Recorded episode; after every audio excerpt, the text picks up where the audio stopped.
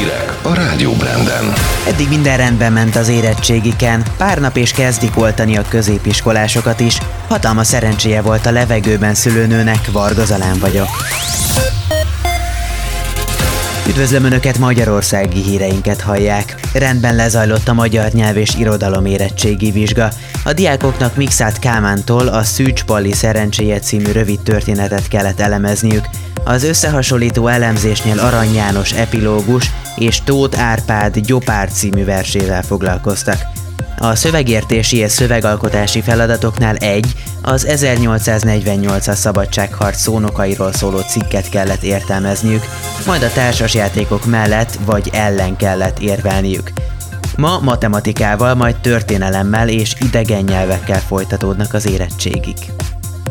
Ha az elmúlt hetekhez hasonló tempóban halad Magyarország az oltással, akkor néhány hét múlva elérhető az 5 milliós átoltottság, erről a Délpesti Centrum Kórház infektológus főorvosa beszélt. Szlávik János megismételte, a nyáimmunitáshoz még több millió felnőttnek kell beoltatnia magát.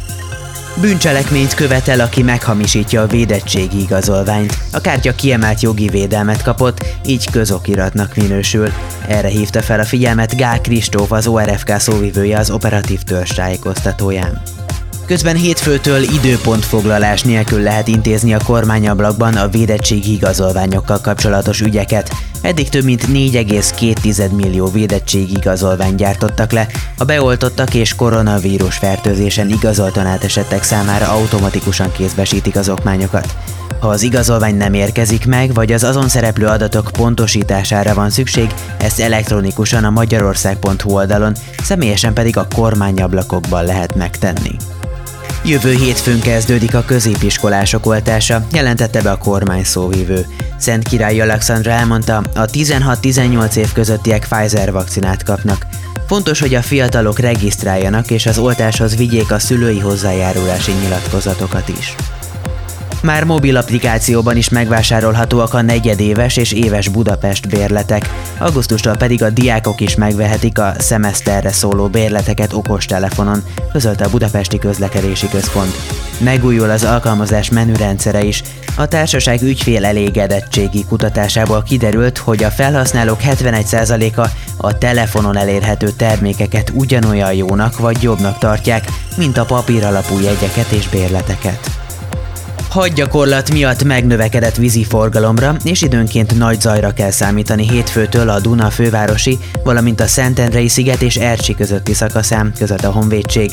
A hazai és amerikai egységek jövő péntekig tartanak közös gyakorlatozást. Repülőn hozta világra koraszülött babáját egy kismama. A gép az amerikai Utahból Hawaii-ra tartott, amikor a 29 éves nőnél beindult a szülés.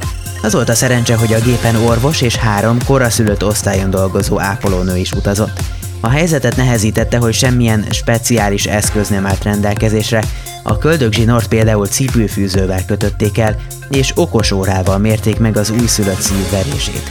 A Honolului repülőtéren mentő várta a kismamát és gyermekét, majd kórházba vitték őket. Szerencsére mindketten jól vannak. Időjárás. Kedden eleinte derült idő várható, majd délutántól egyre gyakrabban zavarják felhők a napsütést, eső nem lesz, a délnyugati szél a Dunántúlon és északkeleten megerősödik. Hajnalban fagypont körül délután 17-23 fok valószínű. Szerdán napközben is sok napsütés várható, majd este több felé beborul az ég, és záporok, zivatarok is lesznek. A szerkesztőt Varga Zalánt hallották, köszönöm a figyelmet.